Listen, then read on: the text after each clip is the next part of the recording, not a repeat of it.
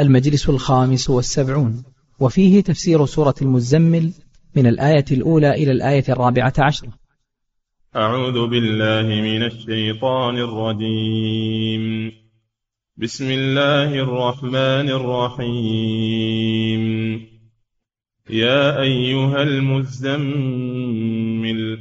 قم الليل إلا قليلا. نصفه أو انقص منه قليلا أو زد عليه ورتل القرآن ترتيلا إنا سنلقي عليك قولا ثقيلا إن ناشئة الليل هي أشد وطئا وأقوم قيلا إن لك في النهار سبحا طويلا واذكر اسم ربك وتبتل إليه تبتيلا رب المشرق والمغرب لا إله إلا هو فاتخذه وكيلا واصبر على ما يقولون واهجرهم هجرا جميلا وذرني والمكذبين أولي النعمة ومهلهم قليلا. إن لدينا أنكالا وجحيما وطعاما ذا غصة وعذابا أليما. يوم ترجف الأرض والجبال وكانت الجبال كثيبا مهيلا. بسم الله الرحمن الرحيم. الحمد لله رب العالمين. صلى الله وسلم على نبينا محمد وعلى آله وأصحابه أجمعين. في هذه السورة العظيمة سورة المزمل عبر وعظات وقوله سبحانه وتعالى يا أيها المزمل أصله المتزمل فأدغمت الزاء في التاء وصارت المزمل. والتزمل معناه التغطي بالشيء كعادة الناس لأنهم إذا ناموا يتغطون بالألحفة فالمزمل هو المتغطي بالغطاء وقت النوم. وفي قوله تعالى يا أيها المزمل هذا خطاب للرسول صلى الله عليه وسلم. مثل قوله يا أيها المدثر. فخوطب بالمزمل والمدثر في هذين الموضعين. وفي بقية المواضع يخاطبه الله بقوله تعالى يا أيها النبي يا أيها الرسول يا أيها المزمل قم الليل بدل أن تنام وتتغطى قم للصلاة. قم للصلاة والتهجد وقم الليل. بين سبحانه أنه ليس المراد أنه يقوم الليل كله بل يقوم نصفه أو ينقص منه قليلا أو يزيد عليه. وهذا كان واجبا على النبي صلى الله عليه وسلم. كان واجبا عليه قيام الليل كما قال تعالى ومن الليل فتهجد به نافلة لك عسى أن يبعثك ربك مقاما محمودا. ومن الليل إلا قليلا قليلا من الليل. ثم بين المقدار قال نصفه نصفه بدل من الليل. ولذلك هو منصوب وبدل المنصوب منصوب. نصفه أي نصفه وقم. نصفه أو زد عليه أو انقص منه قليلا إلى الثلث. انقص منه قليلا إلى الثلث أو زد عليه إلى الثلثين. فخيره سبحانه وتعالى ووسع له في ذلك في أن يقوم ثلثي الليل أو نصفه أو ثلثه كما في آخر السورة. ولم يحتم عليه مقدارا معينا أو زد عليه هذا مقدار القيام. ثم قال ورتل القرآن ترتيلا. رتل القرآن في التلاوة في صلاة الليل ترتيلا أي تمهل في قراءته ولا تستعجل وتهذه هذا بدون تدبر بل اقرأه قراءة متمهلة مفسرة بالوقوف على رؤوس الآيات. هو المد في القراءة. الحمد لله رب العالمين. الرحمن الرحيم. إلى آخره. مد. ولا يهذه هذا لأن هذا من أسباب لأن هذا من أسباب التدبر أما لو أسرع فيه وهذا وهذا فإنه لا يتدبره. فالتلاوة تكون متوسطة بين الهذ والهذرمة وبين التمطيط والتمديد الزايد والممل المكلف أن يكون بين بين. هذه هذه القراءة المشروعة لأن ترتيل القرآن وسيلة إلى تدبره والتأمل فيه ووسيلة إلى الخشوع أيضا وسيلة إلى الخشوع في تلاوته هذا من آداب تلاوة القرآن.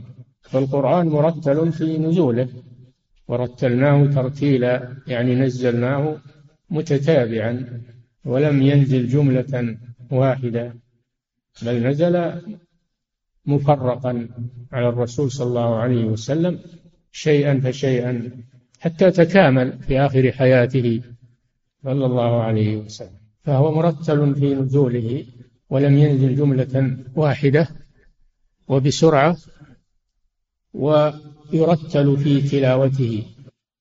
ورتل القرآن ترتيلا عرفنا معنى الترتيل المطلوب. وقوله ترتيلا الأصل أن يقال ترتلا لأن رتل ترتلا. ترتل ترتلا ولكن جاء ترتيلا بدل ترتلا لأجل الفواصل. لأجل فواصل الآيات. ورتل القرآن ترتيلا. ثم قال جل وعلا إنا سنلقي عليك قولا ثقيلا. عن القرآن سنلقي أي ننزله عليك ونوحيه إليك قولا. القرآن قول لأن كلام الله سبحانه وتعالى فهو قول الله. وكلامه وتنزيله سبحانه وتعالى ثقيلا في معناه ثقيلا في معناه وثقيلا في العمل به وثقيلا في قدره ومنزلته. وأما الفاظه فهو ميسر ولقد يسرنا القرآن للذكر فهو ميسر في تلاوته وحفظه. أما من ناحية العمل به في أوامره ونواهيه فهو ثقيل على النفوس ثقيل على النفوس. وكذلك في معانيه لأن معانيه غزيرة. القرآن معانيه غزيرة. ولا أحد ولا أحد يحيط بمعاني القرآن وعلومه. وإنما كل يأخذ منه بقدر ما آتاه الله سبحانه وتعالى. إنا سنلقي عليك قولا ثقيلا. ثم بين له كيف يقابل هذا الثقيل هذا القول الثقيل. يقابله بقيام الليل لأن قيام الليل أسهل أسهل من قيام النهار. فقال إن ناشئة الليل هي أشد وطئا. فيستعين على على تحمل القرآن وتدبره بأن يقرأه في صلاة الليل. وناشئة الليل قالوا الليل كله ناشئة كله ناشئة. وقيل ناشئة الليل هي القيام بعد نوم. ناشئة الليل هي القيام بعد نوم. فينام أول الليل ويريح نفسه ثم يقوم. وهكذا كان يفعل صلى الله عليه وسلم. فإنه كان يبادر بالنوم بعد صلاة العشاء ويكره الحديث بعدها يبادر بالنوم لأجل قيام الليل. فهذا مع والله أعلم معنى قوله ناشئة الليل هي القيام بعد نوم وبعد هجعة. وكذلك الليل كله ناشئة. يعني لو قمت بعد المغرب أو قمت بعد العشاء أو قمت وسط الليل أو آخر الليل كله. كله ناشئة الليل لكن الناشئة التي هي أحسن هي القيام بعد نوم. إن ناشئة الليل هي أشد وطئا أي توافقا بين اللسان والقلب.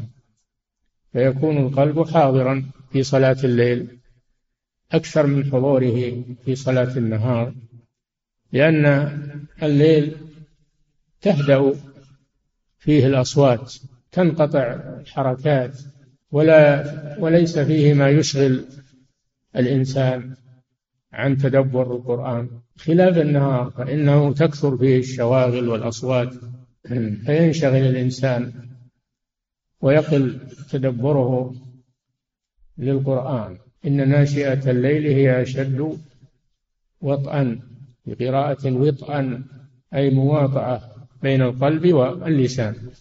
فيتدبر القرآن أكثر من تدبره في غير الليل.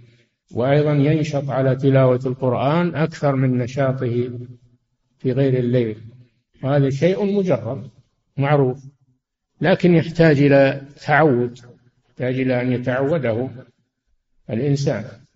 ثم يتلذذ به بعد ذلك. يكابده في أول الأمر ثم يتلذذ به بعد ذلك ويحن إليه. هي أشد وطئا وأقوم. قيل أي أحسن تلاوة وتلذذا بالقرآن في الليل فيحصل فيه أنه أحسن وطئا وأقوم. قيل هذا في تلاوته في صلاة الليل. كما ذكرنا أن الإنسان يحتاج إلى أن يجاهد نفسه وأن يعودها ويجد مشقة في أول الأمر لكن إذا عود نفسه تلذذ به وصار يتطلع إليه ويفرح به.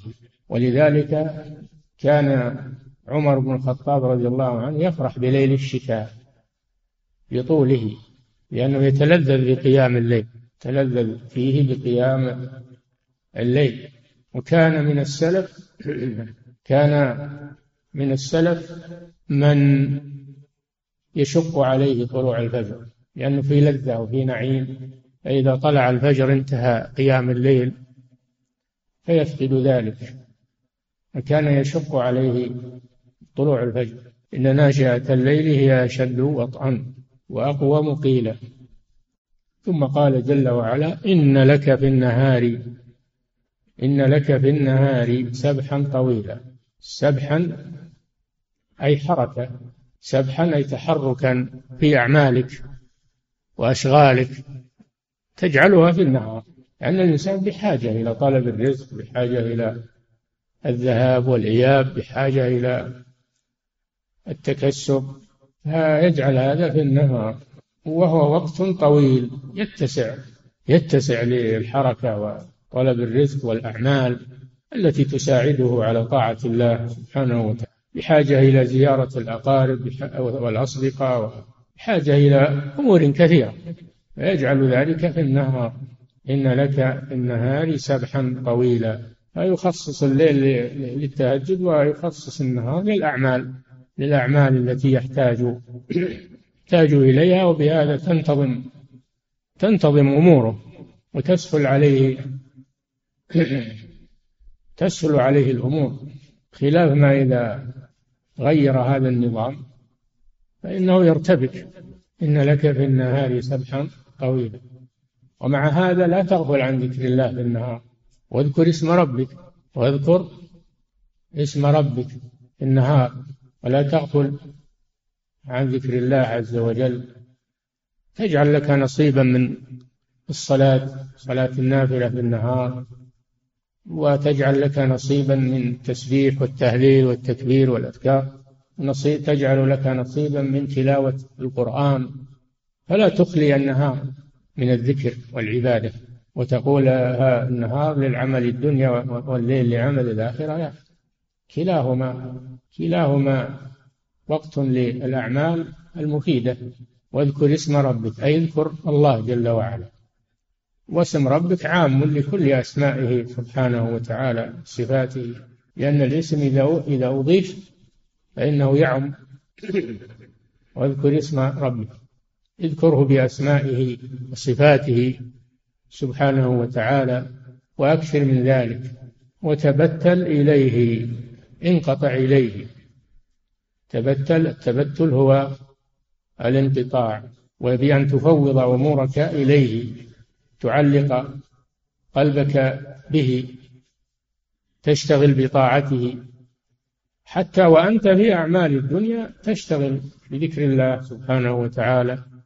تعلق قلبك بالله ولا تنشغل بالناس والقيل والقال وما لا فائدة لك منه. تبتل إليه أي انقطع لذكره وعبادته.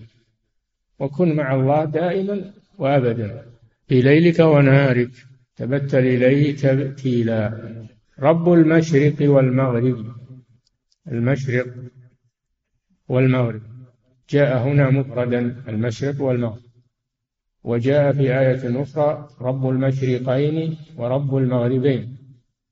جاء في آية ثالثة رب المشارق. فلا أقسم برب المشارق والمغارب. إنا لقادرون. فقوله سبحانه وتعالى رب المشرق مشرق النجوم والكواكب. تشرق منه الشمس والقمر والنجوم. والمغرب تغرب منه فهو شامل. وإن كان لفظه مفردا فهو شامل لكل الكواكب. رب المشرقين والمغربين. قيل ما مشرق مشرقي الشمس والقمر ومغربي الشمس والقمر. وقيل مشرق الشتاء ومشرق الصيف. والمعاني متقاربة في هذا. رب المشرق والمغرب. لا إله إلا هو. رب ما دام إنه رب وخالق ومالك متصرف فهو الذي يستحق العبادة. يستحق العبادة. لا إله إلا هو أي لا معبود بحق سواه لأنه هو الرب الخالق وما عداه فهو مخلوق مدبر. فالمعبود حقا هو الله وما عبد سواه فهو عبادته باطلة. ذلك بأن الله هو الحق وأن ما يدعون من دونه هو الباطل وأن الله هو العلي الكبير. ولا تقل لا إله إلا هو أي لا معبود إلا هو. لأن المعبودات كثيرة ولكن قل لا معبود بحق. ذلك بأن الله هو الحق. فالذي يعبد بحق هو الله وما سواه فهو معبود بالباطل. أما لو قلت لا إله إلا هو لا أو لا إله إلا الله لا معبود إلا الله فهذا يفضي إلى معنى باطل وهو أن كل المعبودات تكون هي الله. يكون هذا مع وحدة الوجود والعياذ بالله. فليتنبه لهذا. تنبه لهذا. لا إله إلا هو. لا معبود بحق إلا هو سبحانه وتعالى. وكل ما عبد سواه فهو باطل من سائر المعبودات. لأن العبادة للرب. ولا رب سواه سبحانه. كما أنه هو الرب وحده. وهذا يقر به المشركون. أنه هو الرب وحده وهو الخالق والرازق والمدبر وحده ولكنهم لا يوحدونه بالعبادة. يشركون به معه غيره. يشركون معه غيره. فناقضوا أنفسهم في هذا. فالذي يستحق العبادة هو الرب الذي لا رب سواه. لا رب للمخلوقات لا خالق لا رازق لا مدبر لا مصرف للكون سواه. وهذا باعتراف الجميع فما دام أنه لا رب سواه فيجب أن يكون لا معبود بحق غيره سبحانه وتعالى. رب المشرق والمغرب لا إله إلا هو. فاتخذه وكيلا. كل أمورك إليه وفوضها إليه. والتوكل من أعظم أنواع العبادة. فاعبده وتوكل عليه. ولا تتوكل على غيره. التوكل عبادة ولا تكون العبادة إلا لله. فمن توكل على غيره فقد أشرك. أما أنك توكل من يقوم ببعض الأعمال يبيع لك يشتري لك هذا ما يسمى توكل. هذا يسمى توكيل والوكالة. هذا أمر سائر. إنما توكل هذا لا يكون إلا لله إلا على الله سبحانه وتعالى. وعلى الله فليتوكل المتوكلون. على الله فليتوكل المؤمنون. وعلى الله فتوكلوا إن كنتم مؤمنين. اتخذه وكيلا في أمورك التي لا يقدر عليها إلا الله. وكل الله فيها. توكل عليه في حصولها. واطلبها منه. أما التوكيل في الأمور التي يقدر عليها الإنسان من التصرفات فهذا يسمى بالتوكيل ولا يسمى بالتوكل اتخذه وكيلا. ثم قال سبحانه وتعالى واصبر على ما يقولون. اصبر أيها الرسول أيها المزمل اصبر على ما يقولون. توكلت على الله وفوضت أمورك إليه فلا تلتفت لما يقولونه فيك. يقوله المشركون فيك. ويذمونك به أنه مجنون أنه ساحر أنه كاهن. إلى غير ذلك من صفات الذم اصبر. لا تقابلهم بالمثل اصبر على ما يقولون. وهذا قبل أن يفرض الجهاد لأن السورة مكية. هذا قبل أن يفرض الجهاد جهاد الكفار. اصبر على ما يقولون. وهذا تعليم للنبي صلى الله عليه وسلم ولغيره من أتباعه. فالذي يتراجع إذا ذمه الناس أو قالوا فيه أو آذوه يتراجع عن فعل الخير والدعوة والأمر بالمعروف والنهي عن المنكر يتراجع. هذا إنما يجاري الناس ولا ولم يصبر ويستمر فيما أمره الله جل وعلا به. يحتاج المؤمن يحتاج إلى صبر دائما. يحتاج إلى صبر على المصائب يحتاج إلى صبر على أذى الناس يحتاج إلى صبر على تعب العبادة والجهاد يحتاج إلى صبر. الذي ليس له صبر لا يستمر بل ينقطع. ينقطع في أول الطريق. الصبر هو الذي يحمل المسلم على الاستمرار في فعل الخير. وجعلناهم أئمة يهدون بأمرنا لما صبروا وكانوا بآياتنا يوقنون. قال شيخ الإسلام ابن تيمية رحمه الله في الصبر واليقين تنال الإمامة في الدين. أخذا من هذه الآية وجعلنا منهم من بني إسرائيل أئمة يهدون بأمرنا لما صبروا وكانوا بآياتنا يوقنون. كل يحتاج إلى الصبر. حتى الكفار يتواصون بأن يصبروا على آلهتهم وهم على باطل. اصبروا على آلهتكم. فالمؤمن من باب أولى أنه يصبر على الحق لأنه على الحق. وما يناله فهو في سبيل الله عز وجل محسوب في حسناته. تواصوا بالحق وتواصوا بالصبر لأن الذي يوصي بالحق يأمر بالمعروف ينهى عن المنكر يدعو إلى الله. سيؤذى فيحتاج إلى صبر. قال لقمان لابنه وأمر بالمعروف وأنهى عن المنكر واصبر على ما أصابك. إن ذلك من عزم الأمور. أنت تريد من الناس يرحبون بك ويفرشون لك الورود و... ما هو بحاصل هذا. هذا ما حصل للرسل عليهم الصلاة والسلام. حاصل. إن الناس يكرمونك وأنهم يستقبلونك وأنهم وأنهم لا. سيقابلونك ولا يتقبل منك إلا القليل والكثير يضادونك ويعادونك ويتكلمون فيك. ويلومونك. حتى أصدقائك يلومونك. حتى الجهال وإن كانوا من المسلمين يلومونك. أنت مستعجل أنت وأنت وأنت. اصبر لا تكترث ما دمت على الحق. واصبر على ما يقولون. واهجرهم أي اتركهم. الهجر معناه الترك. اتركهم لا لا يهمك أمرهم كلامهم فيك. اهجرهم. هجرا جميلا. هجرا جميلا لا أذية معه. الهجر الجميل هو الذي لا أذية معه. فلا تؤذهم. اصبر عليهم ولا تؤذهم. هذا الهجر الجميل. اصفح الصفح الجميل. الصفح الجميل هو الذي لا عتاب معه. هو الذي لا عتاب معه. صبر جميل. الصبر الجميل هو الذي لا شكاية معه إلى المخلوق. لا تشكو معه إلى المخلوقين ولكن تشكو إلى الله. إنما أشكو بثي وحزني إلى الله. مع أنه صابر حتى ابيضت عيناه من الحزن. ومع هذا ما ما شك إلى الناس. إنما أشكو بثي وحزني إلى الله. وأعلم من الله ما لا تعلمون فالصبر الجميل هو الذي ليس معه شكاية إلى المخلوقين. والهجر الجميل هو الذي ليس معه أذى والصف الجميل هو الذي ليس معه عتاب وهذا كما ذكرنا هذا في العهد المكي قبل أن يؤمر بالجهاد عليه الصلاة والسلام. واهجرهم هجرا جميلا. ثم بين سبحانه وتعالى ما ينتظرهم أن تهجرهم. خلهم علينا نحن الذين نتولى. هجرهم هجرا جميلا. ثم قال وذرني والمكذبين. أنا أتولى جزاءهم ولا أهملهم وأكفيك شرهم.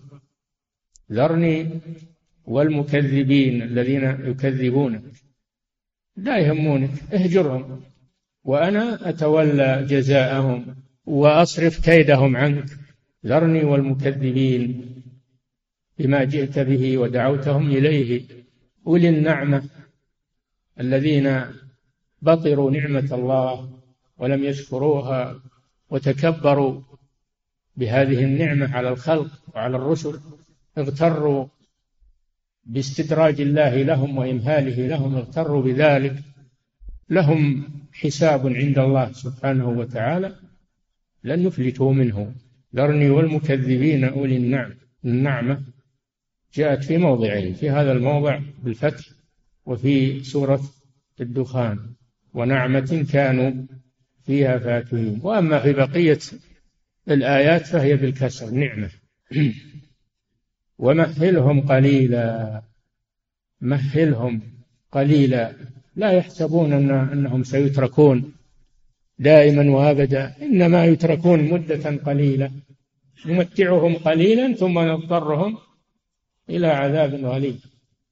وهذا الترك إنما هو استدراج لهم. ولا يحسبن الذين كفروا أنما نملي لهم خير لأنفسهم. إنما نملي لهم ليزدادوا اثما ولهم عذاب مهين. فلو عاجلهم الله بالعقوبة لكان أسهل عليهم. فكونه أمهلهم هذا أشد عليهم والعياذ بالله. والله حكيم عليم بما يجري. ومهلهم قليلا. ثم بين سبحانه وتعالى ما ينتظرهم بين سبحانه وتعالى ما ينتظرهم إن لدينا عندنا لهم أنكالا. جمع نكل وهو القيد. القيد من الحديد. أي قيودا يقيدون بها من الحديد والعياذ بالله. إن لدينا أنكالا وجحيما يعني نارا تتلظى. وطعاما ذا غصة. بدل ما هم كانوا في نعمة في الدنيا ستنقلب هذه النعمة إلى طعام ذي غصة. ينشب في الحلق مر المذاق. ينشب في الحلق لا يذهب ولا يرجع. ذا غصة. والعياذ بالله يغصون به يتجرعه ولا يكاد يسيغه. وطعاما ذا غصة وعذابا أليما. لا يعلمه إلا الله. مؤلم. عذاب مؤلم. موجع لا يعلمه إلا الله. جزاء على ما حصل منهم في الدنيا من تكذيب الرسول صلى الله عليه وسلم والسخرية بالمؤمنين والتهكم بأحكام الدين. كل هذا ما يذهب سدى وعقوبته قريبة. قليلا. أمهلهم قليلا. عقوبته قريبة. فلا يغتر هؤلاء. ويفرحون بما هم فيه من أذية الرسول وأذية المؤمنين والتطاول على كتاب الله وعلى سنة رسوله وعلى أمور الدين. لهم موعد لا يخلف ولا يتأخر إذا جاء ولا يفلت منه أحد. وطعاما ذا غصة وعذابا أليما متى يكون؟ متى يكون هذا؟ يوم ترجف الأرض والجبال يوم القيامة.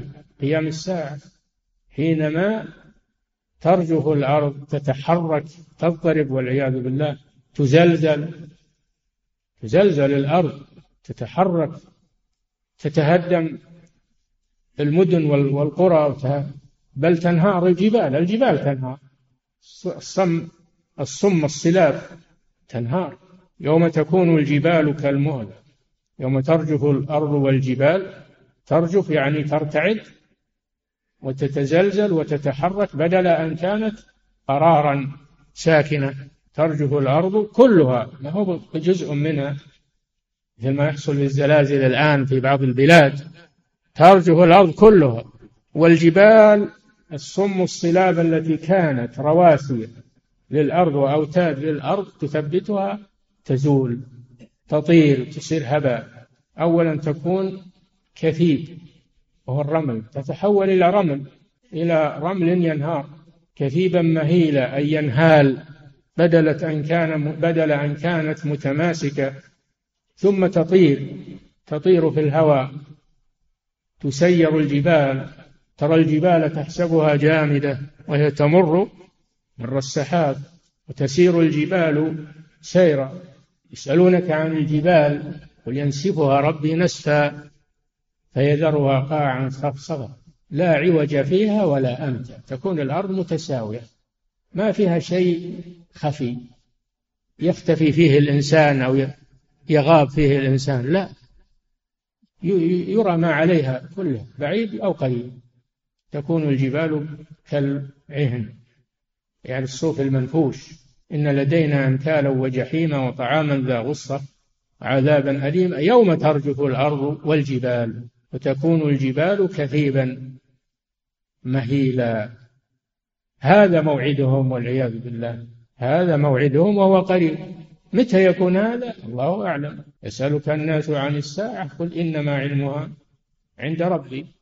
يسألك الناس عن الساعة. قل إنما علمها عند الله. وما يدريك لعل الساعة تكون قريبا. وإن أدري قريب أم بعيد ما توعدون. هذا لا يعلمه إلا الله سبحانه ولا أحد يعلم متى تقوم الساعة إلا الله. إن الله عنده علم الساعة وينزل الغيث ويعلم ما في الأرحام.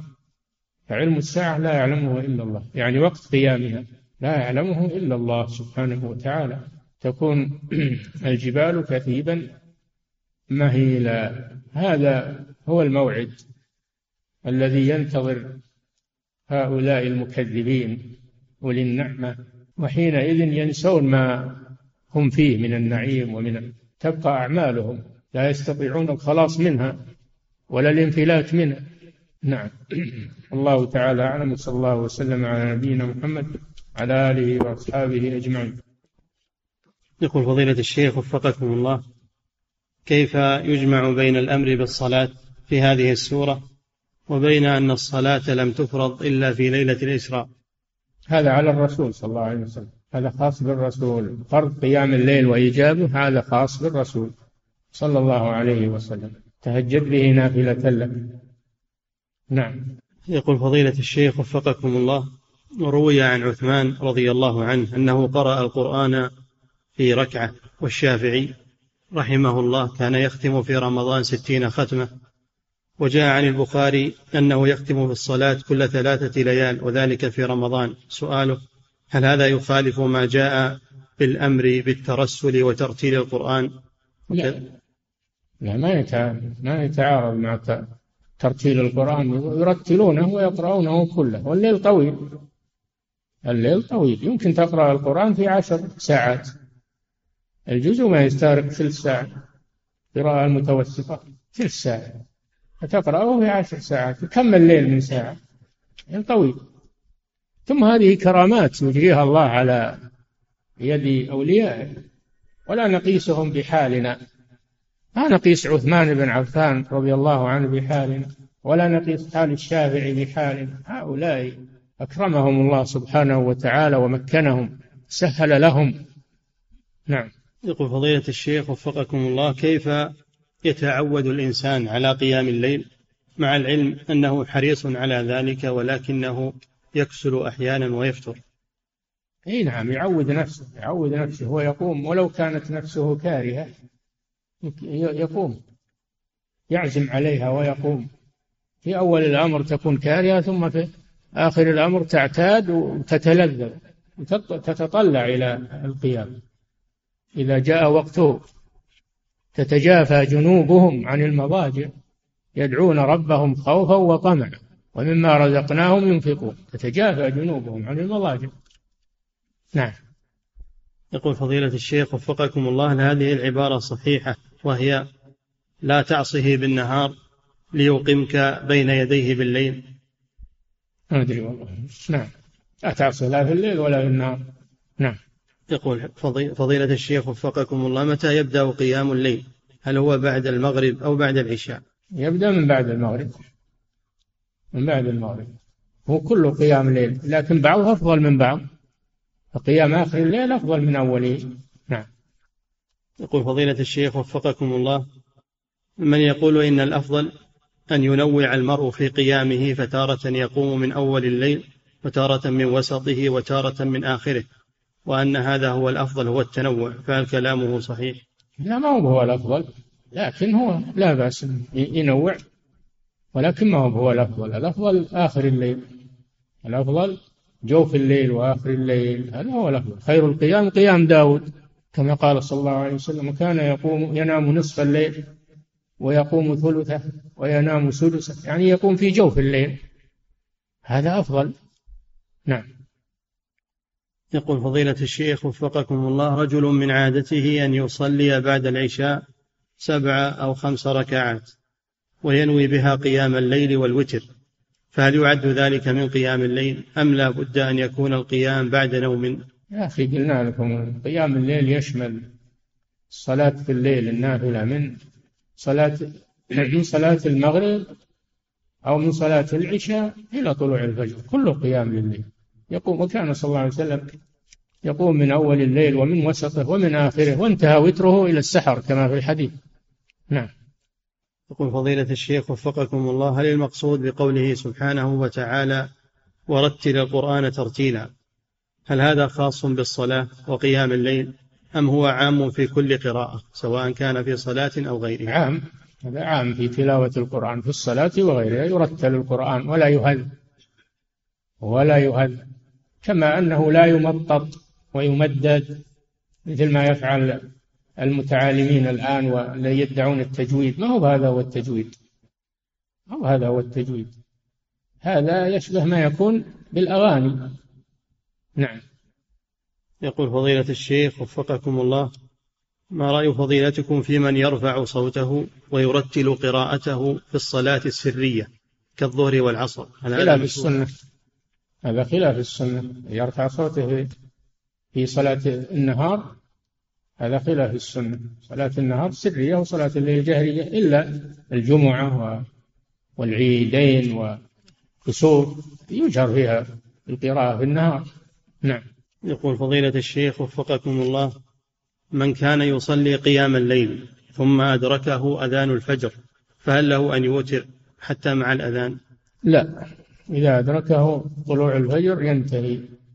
انتهى وتره صلى الله عليه وسلم إلى السحر فينتهي بالسحر لكن يقضيه في الضحى.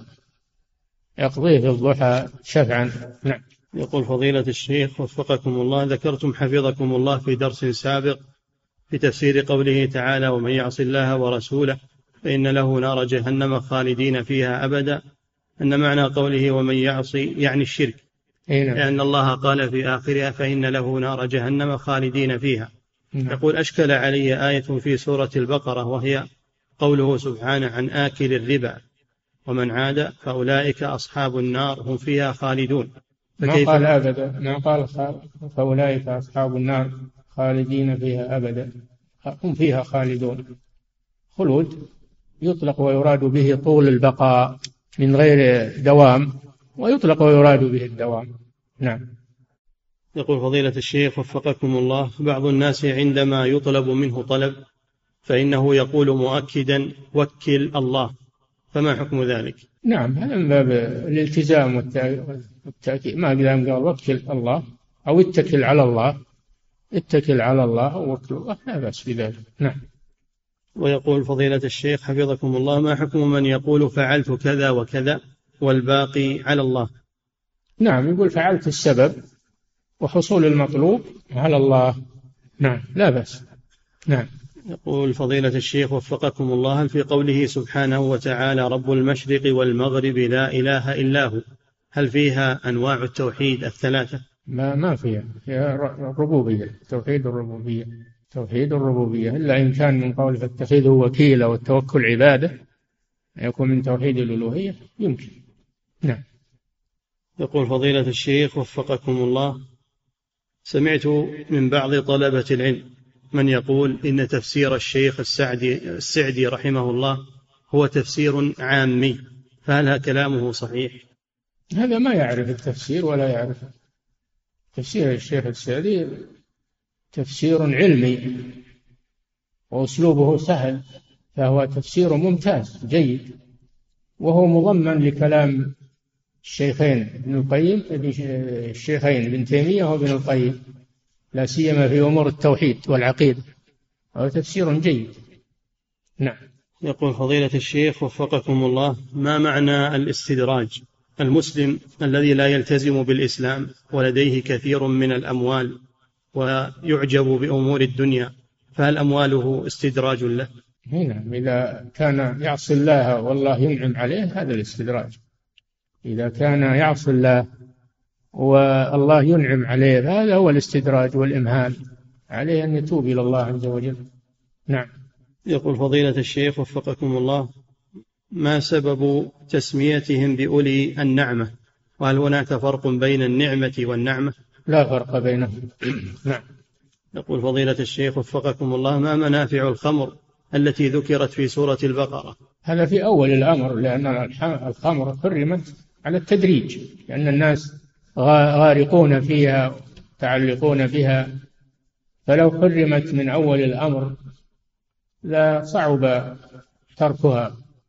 فالله حرمها على التدريج. الأول قال لا تقربوا الصلاة وأنتم سكارى. بالأول قال يسألونك عن الخمر والميسر قل فيهما إثم كبير.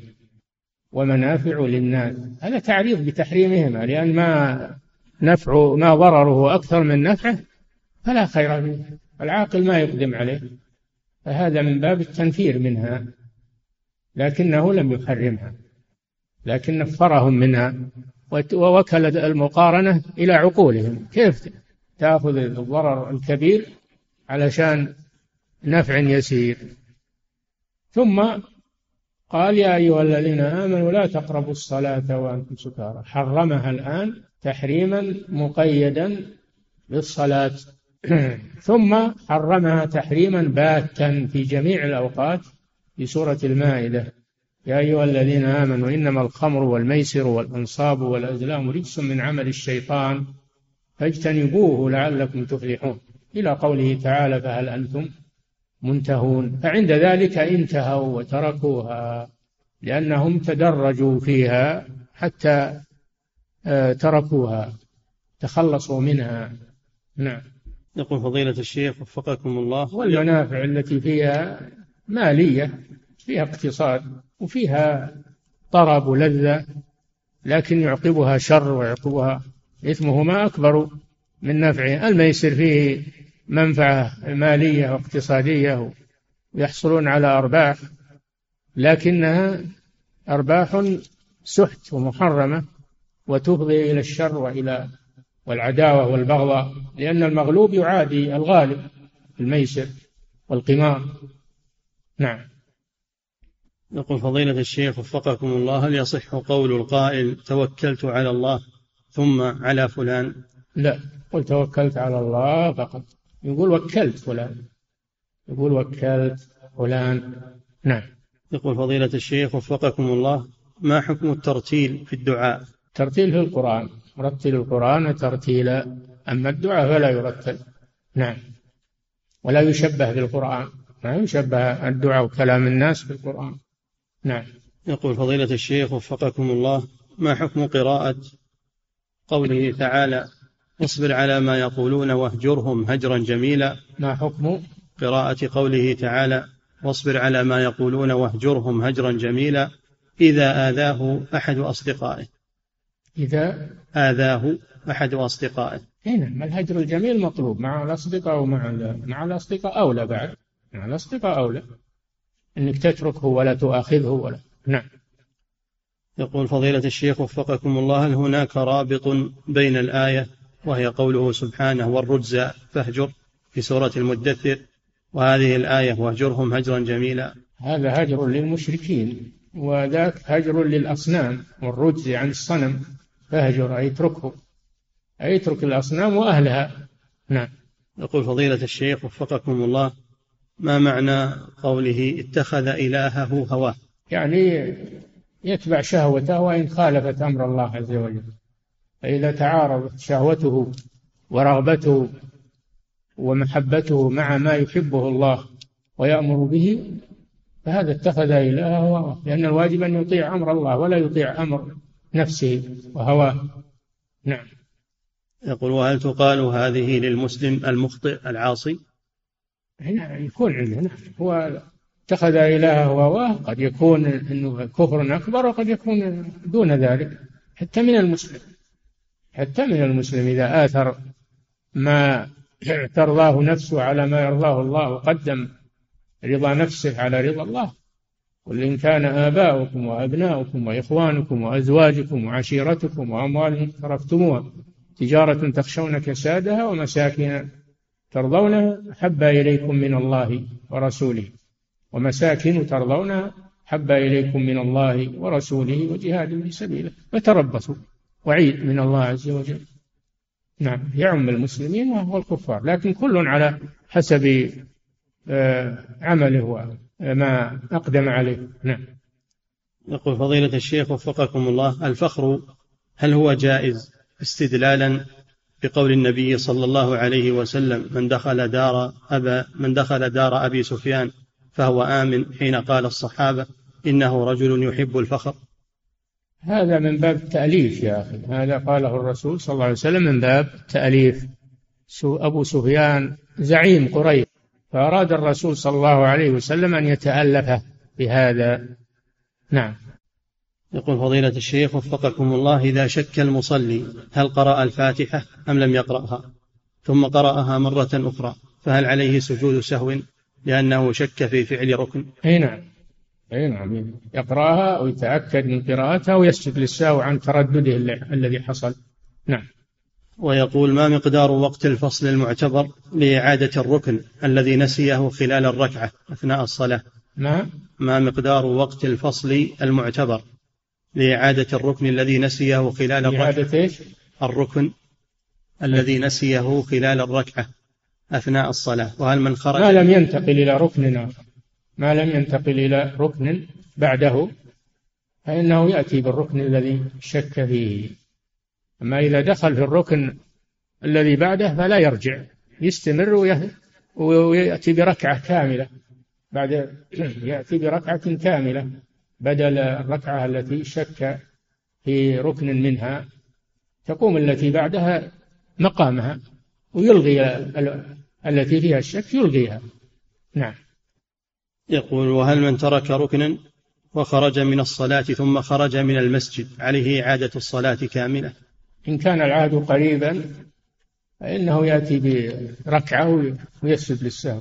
أما إذا طال الفصل أو انتقض وضوءه فلا بد من إعادة الصلاة من جديد. نعم. يقول فضيلة الشيخ وفقكم الله ما هي صلاة الإحاطة وما حكمها؟ يقول ما هي صلاة الإحاطة؟ وما حكمها؟ ما أعرف ما أعرف صلاة الإحاطة نعم. يقول فضيلة الشيخ وفقكم الله من ظهرت عليه علامات الرجولة قبل سن الخامسة عشرة هل يعتبر بالغا مكلفا؟ يعتبر مراهقا. لا يعتبر بالغا إلا بعلامات البلوغ. إذا حصل معه علامة من علامات البلوغ فهو بالغ. أما إذا قارب البلوغ هذا يقال له مراهق. نعم. يقول فضيلة الشيخ وفقكم الله هل يجوز أن يقول يا فلان إني أتوسل إليك بعد الله سبحانه؟ هل يجوز أن يقول القائل يا فلان إني أتوسل إليك بعد الله؟ كيف أتوسل إليك بعد الله؟ نعم ما يصلح الكلام. نعم. يقول فضيلة الشيخ وفقكم الله أثناء طواف الإفاضة؟ أثناء طواف الإفاضة تنجست قدمي فمسحتها على البلاط. وأكملت طوافي. فهل طوافي صحيح؟ لا. إذا تنجست قدمك فلا بد من غسل النجاسة. لا بد من غسل النجاسة بالماء وتستأنف الطواف. إنما هذا في النعل. النعل هو الذي يمسح بالتراب. أما الرجل واليد لا يكفي مسحها. لا بد من غسلها. مثل الثوب مثل نعم. يقول فضيلة الشيخ وفقكم الله هل هذه المقولة صحيحة. إن كل مشرك كافر. وليس كل كافر مشرك. صح. الكفر أعم من الشرك. الكفر يشمل الملحد الذي لا يؤمن بإله ولا برب. هذا ملحد. وأما المشرك فهو يؤمن بالله. ربا يؤمن بربوبيته لكنه يشرك به في عبادته. نعم. يقول فضيلة الشيخ وفقكم الله هل يستدل على جواز الإقامة بين المشركين وأهل الكتاب بأن النبي صلى الله عليه وسلم أجاب دعوتهم وأكل من طعامهم؟ هل لا هذا هي إقامة. إجابة دعوتهم وأكل من طعامهم ليس إقامة. الإقامة أنك تنزل بينهم تسكن في بلادهم وديارهم نعم. يقول فضيلة الشيخ وفقكم الله. ورد أن الدعاء بين الأذان والإقامة من مواضع الإجابة فهل يرفع الداعي يديه عند دعائه بعد أدائه الراتبة القبلية؟ بعد النافلة لا بأس يرفع يديه إنما بعد الفريضة لا يدعو بدون رفع يدين. نعم. وكذلك سؤاله بعد الفريضة حفظك الله هل يرفع اليدين؟ يقول. قلنا ما يرفع يديه بعد الفريضة. نعم. يقول فضيلة الشيخ وفقكم الله الرقية على الكافر هل هي جائزة؟ الرقية إيش؟ رقية الكافر هل هي جائزة؟ نعم الصحابة رقوا الذي رقوا الذي وهو كافر. والرقية لا بأس. نعم. يقول فضيلة الشيخ وفقكم الله ما حكم الاحتجاج بالحديث الضعيف وما حكم العمل به؟ احتجاج به لا. لا يحتج به. أما العمل به يستأنس به فلا بأس. أما الاحتجاج به على دليل لا. ولا يبنى عليه حكم. لا تحليل ولا تحريم ولا إيجاب ولا لكن يعمل به في في الطاعات والعبادات. يستأنس به. بشرط أن تكون هذه العبادة ثابتة بدليل. غير دليل صحيح. نعم. يقول فضيلة الشيخ وفقكم الله هل التحذير من الطوائف الحزبية يكون من الغيبة؟ هل إيش؟ هل التحذير من الطوائف الحزبية يكون من الغيبة. ما دام ما عينت أحد هذا من النصيحة. ما عينت أحد أما لو عينت شخص قلت فلان يكون هذا من الغيبة. عاد غيبة الشخص المعين إن كان فيه مصلحة راجحة لا بأس وإن كان آه، المضرة أكثر لا يجوز. نعم. يقول فضيلة الشيخ وفقكم الله ما الحكم في من يستخدم التفسير الإشاري في جميع آيات القرآن؟ هذا عند الصوفية. تفسير الإشارة هذا عند الصوفية. تفسير معروف. إما بالقرآن فسر القرآن بالقرآن أو يفسر القرآن بالسنة أو يفسر القرآن بتفسير الصحابة أو يفسر القرآن بتفسير التابعين. هذه وجوه التفسير. وأما تفسيره بالرأي أو بالإشارة كما عند الصوفية فلا لا يجوز. نعم. يقول وما نوع تفسير ابن عباس رضي الله عنهما في سورة النصر في سورة النصر؟ عندما فسر آيات السورة بقرب رحيل الرسول صلى الله عليه وسلم. هذا واضح من السورة يا أخي. إذا جاء نصر الله والفتح ورأيت الناس يدخلون في دين الله أفواجا فسبح بحمد ربك واستغفره. كان صلى الله عليه وسلم بعد فتح مكة ونزول هذه الآية كان يكثر من الاستغفار. كان يكثر من الاستغفار عملا بهذه الآية وترقبا للأجل. نعم. يقول فضيلة الشيخ وفقكم الله يقول قال لنا أحد الأساتذة في الجامعة إن المسلم إذا ذهب إلى الساحر من أجل أن يعرف عدوه مثلا وما أشبه ذلك دون أن يعتقد في الساحر بأنه يضر أو ينفع فإن هذا العمل من الكبائر لكنه ليس بكفر. هذا كلام باطل. لا يذهب إلى الساحر ولا يسأله من أتى كاهنا والكاهن يدخل فيه الساحر من باب وصدقه بما يقول فقد كفر بما أنزل على محمد. ولما سئل عن الكهان قال لا تأتهم لا يذهب إلى هؤلاء المخرفين والسحرة والكهان والمشعوذين ما يذهب إليهم نعم. يقول فضيلة الشيخ وفقكم الله هل يجب على المرأة أن تحل شعرها أثناء الوضوء؟ لا. يكفي أن تمسح ظاهره. يكفي أن تمسح ظاهره. حتى في الجنابة ما تنقض تغسل ظاهره. إنما نقضه على الخلاف إنما نقضه في الغسل من الحيض. هذا محل خلاف. نعم. يقول فضيلة الشيخ وفقكم الله ما حكم الدعاء بعد قراءة القرآن؟ وهل له أن يرفع يديه عند ذلك؟ عند ختم القرآن قصده بعد ختم القرآن يدعو. هذا الذي ورد عن السلف. أما أنه يدعو بعد قراءة القرآن من غير ختم هذا ما أعرفه ولا أدري. نعم. يقول فضيلة الشيخ وفقكم الله رزقني رزقني الله منزلا جديدا فهل يشرع لي أن أذبح ذبيحة وأطبخ طعاما وأدعو المسلمين إليها؟ إن كان هذا من باب إن كان هذا من باب آه، اعتقاد أن الذبيحة هذه تحل البركة أو تدفع الجن هذا لا يجوز. هذا لا يجوز. أما إن كان من باب العادات هذا إن كان من باب العادات وإظهار الفرح والسرور بسكن البيت جمع الأقارب والأصدقاء والإخوان هذا لا بأس به. هذا من المباحات. نعم. يقول فضيلة الشيخ وفقكم الله يقول أنا متزوج من امرأتين إحداهما لديها أولاد والأخرى ليس, لدي ليس لديها أولاد. يقول وأنا ضابط في الجيش وسوف أذهب إلى الطائف لأجل دورة هناك. فهل يجوز لي أن أخذ المرأة التي لا أولاد معها لحاجتي إلى زوجة هناك تكون معي وآتي إلى الرياض كل أسبوع أو كل أسبوعين حسب الاستطاعة؟ إذا رضيت الزوجة ذات الأولاد بالبقاء رضيت أنك تسافر بالأخرى لا بأس. ما إذا لم ترضى فلا بد من القرعة. كان النبي صلى الله عليه وسلم إذا أراد أن يسافر أقرع بين نسائه فمن خرجت لها القرعة سافر بها. نعم. يقول فضيلة الشيخ وفقكم الله يقول اقترضت ألف ج...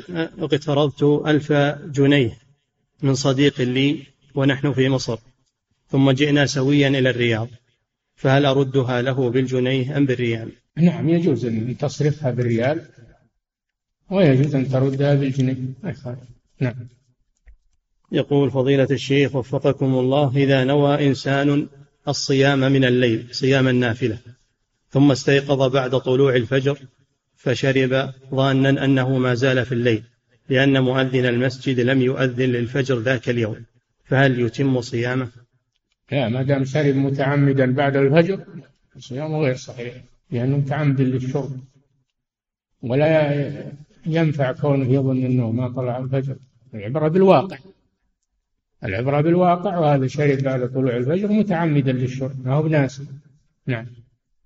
يقول فضيلة الشيخ وفقكم الله كتاب الحيدة للكناني هل هو ثابت النسبة له؟ وما رأيكم في هذا الكتاب؟ لا شك أنه ثابت ومشتهر عند العلماء إنما شكك فيه بعض المعاصرين الذين لا علم عندهم.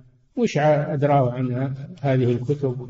ينفي بعضها هذا كله من تخرص. وهذا الكتاب موثوق عند أهل العلم وينقلون منه ويذكرونه. نعم. يقول فضيلة الشيخ وفقكم الله هذا والد يقول إنه يدخر مالا لتزويج أحد أبنائه. وسؤاله هل, هل على هذا المال زكاة؟ نعم. إذا حال عليه الحول وهو مبلغ النصاب وأكثر تجب فيه الزكاة لأي غرض يريده. لأي غرض يريده ما يبدي الزكاة. نعم.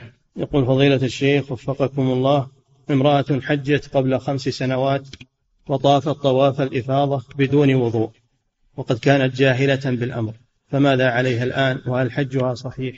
حجها صحيح لكنه ناقص يحتاج إلى طواف الإفاضة لأنه ركن لا بد منه. فترجع تأتي بطواف الإفاضة ولو كان متأخرا تأتي به لأنه باقي بذمتها ولا يتم حجها إلا به. إن كان حصل عليها جماع فإنها تذبح فدية. تذبح فدية في مكة وتوزعها على الأخرى إذا لم يحصل عليها جماع فيكفي أنها ترجع وتطوف بنية طواف الإفاضة نعم. يقول فضيلة الشيخ وفقكم الله ما حكم ما حكم من يأمر أصحابه بعمل جدول يكون على هيئة هل صلى الظهر وبقية الصلوات في المسجد بأن يضع علامة صح إن صلى؟ هذا عند الله ما يحاسب الناس هو الله اللي يحاسبه لكنه يأمر بالصلاة ويحث عليها وينكر على المتخلف والمتساهل. أما حسابهم هذا عند الله جل وعلا. نعم. يقول فضيلة الشيخ وفقكم الله ما حكم أخذ الأجرة على القراءة على المريض أو القراءة على الماء؟ لا بأس بذلك. النبي صلى الله عليه وسلم أقر الصحابة الذين رقوا اللذيذ وأخذوا منهم قطيعا من الغنم. لا بأس بأخذ الأجرة على الرقية للقرآن نعم. يقول فضيلة الشيخ وفقكم الله بما يتم إدراك الركعة هل هو بالركوع فقط أم بالفاتحة والركوع؟ إدراك الركوع يكفي لأن أبا بكر جاء والرسول راكع فركع معه لكن قبل أن يدخل في الصف دب ودخل في الصف فلما سلم الرسول صلى الله عليه وسلم قال له زادك الله حرصا ولا تعد يعني لا تدخل في الصلاة قبل أن تصل إلى الصف ولم يأمره بإعادة الصلاة دل على أنه اعتد بالركعة. وقراءة الفاتحة تسقط في هذه الحالة. حتى عند من يوجبها تسقط لأنها فات محلها لم يتمكن منها. نعم. يقول فضيلة الشيخ وفقكم الله الأذكار المشروعة عند النوم هل هي خاصة بنوم الليل فقط أم في جميع النوم نهارا وليلا؟ نوم الليل. في نوم الليل. ما نوم النهار ما يسمى بيات ولا يسمى. نعم. انتهى. الله